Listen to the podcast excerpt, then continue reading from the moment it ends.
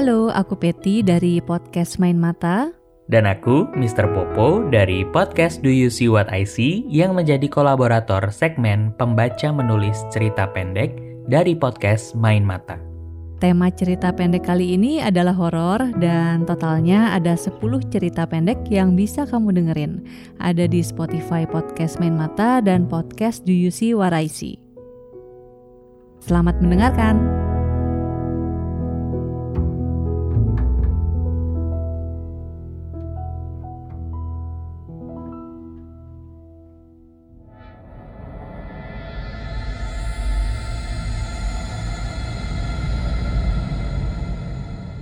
Sore itu, seusai menjalani ujian Hizbul Waton, kami seangkatan kembali berbaris untuk menghadiri acara penutupan. Karena bosan, saya mengajak Vira untuk ngobrol dan bergurau. Di sela percakapan, Rahma, teman barisan sebelah kanan memanggil-manggil lirih. Aku lelah, aku lelah. Panggilkan guru antar aku ke UKS. Tetapi ketika aku beranjak menuju Rahma, Vira malah menahanku. Jangan dekat-dekat. Vir, dia sudah hampir ambruk.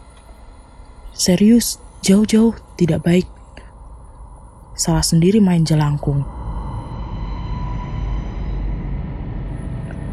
Kalimat Vira membuatku kaku.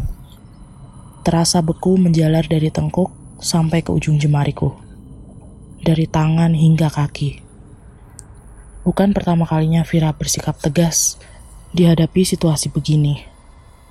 Sebelumnya pernah ada gosip tentang Rahma, tentang kondisi kesehatannya yang rentan, tentang kecenderungannya mengalami kesurupan. Belum sempat menjawab Vira, terdengar keriuhan dari arah Rahma. Rahma yang tampak lunglai dibopong teman-teman yang gopoh. Kepanikan menjalar sampai ke podium, sehingga acara penutupan pun segera ditutup. Aku menyentak lepas tangan Vira. Suaranya semakin memanggil dengan peringatan untuk tidak mencampuri urusan Rahma. Tanpa mengindahkannya, aku menggapai Rahma dan segera membantu membopongnya ke dalam ruang kelas.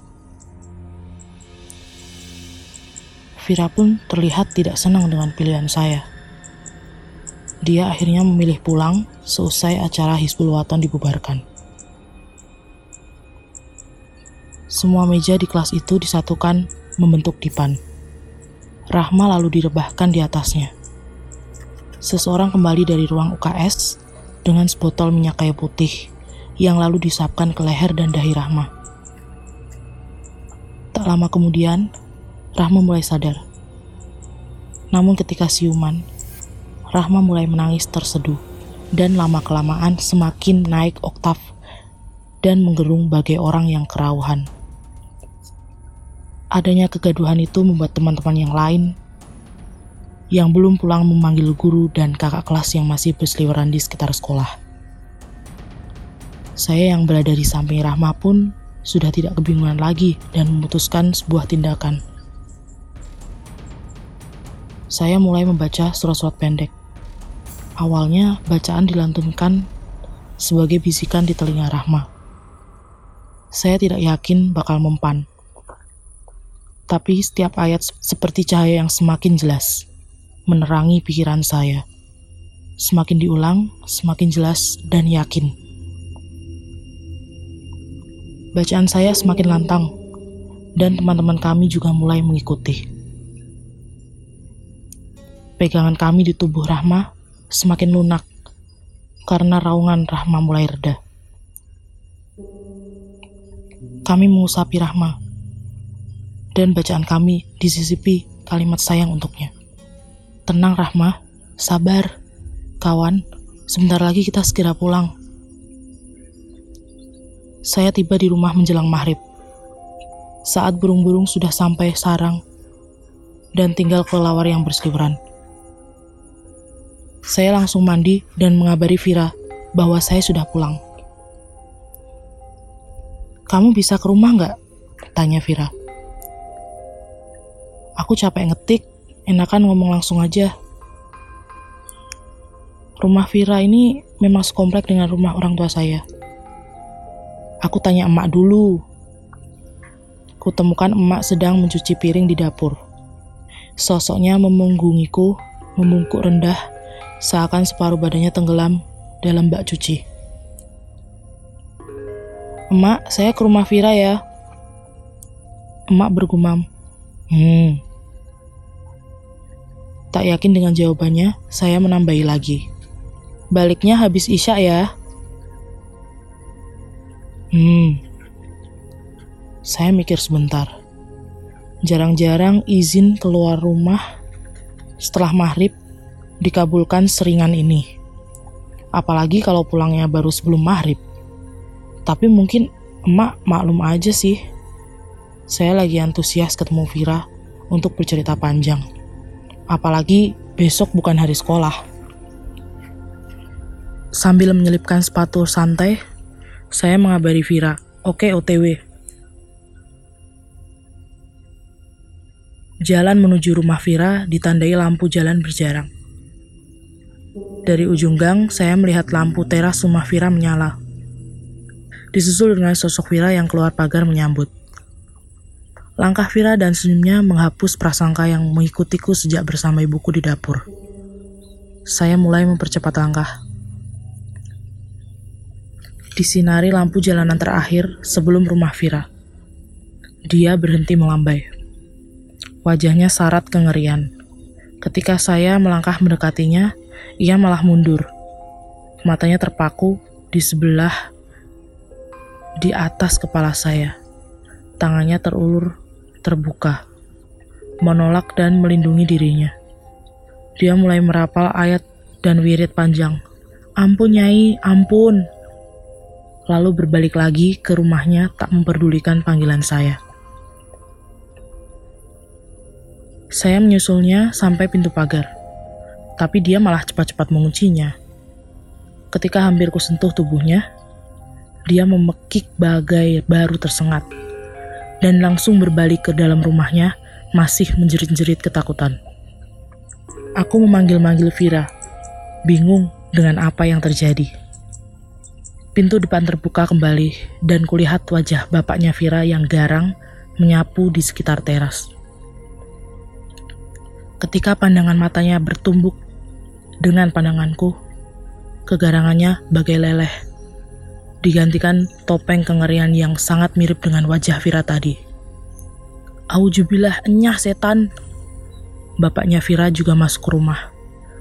Dari dalam rumah mereka ada bunyi tangisan dan wirid doa yang dibacakan tertahan.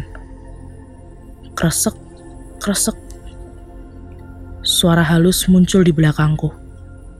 Aku berbalik pelan, berhadapan dengan punggung ibuku tadi di dapur. Sosok emak yang memunggungiku masih membukuk rendah seakan separuh badannya tenggelam dalam bak. Tak banyak gerak, hanya mengayun pelan. Suaraku serak. Emak? Hmm. Gumaman yang sama dengan yang kudengar waktu tadi di dapur. Suara serak, air mata mulai membuat pandangan saya buram. Emak mau pulang. Perlahan punggung emak bergerak, menjadi tegak. Emak tampak melurus lalu memanjang dan menegang dari lutut, pinggang, punggung, bahu, leher, dan ubun-ubun. Lalu ketika tampaknya sudah setegak galah, emak, kepala emak mendungak, terus mendungak, sampai wajahnya terbalik dan matanya yang melebar terbuka memandangiku. Senyumnya lebar sampai menutupi cuping hidungnya. Kita pulang bareng ya, Nak.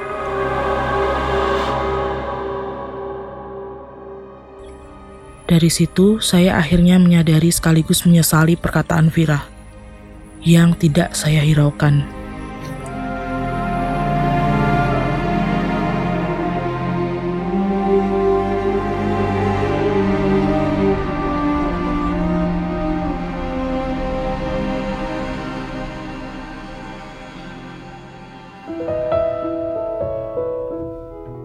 Oke, terima kasih udah dengerin.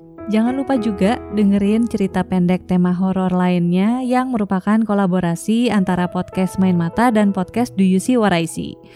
Di Spotify Podcast Main Mata ada 5 cerita pendek horor yang bisa kamu dengerin. Ada yang judulnya Talitasi, itu ditulis oleh Arnelis. Ada juga Sis by the Window, ditulis oleh Angelica Vermariska. Kemudian ada Panggone Demit, ditulis oleh Riz Megawarna. Lalu ada Rumah Taman Kanak-Kanak ditulis oleh Nuansa Diana Bila dan terakhir pastinya ada juga cerpen yang dibacakan oleh Mr. Popo. Judulnya Mobil Bekas, ini ditulis oleh Bayu, pendengar setia podcast di UC Waraisi. Itu aja episode kali ini. Sekali lagi terima kasih udah dengerin. Sampai jumpa.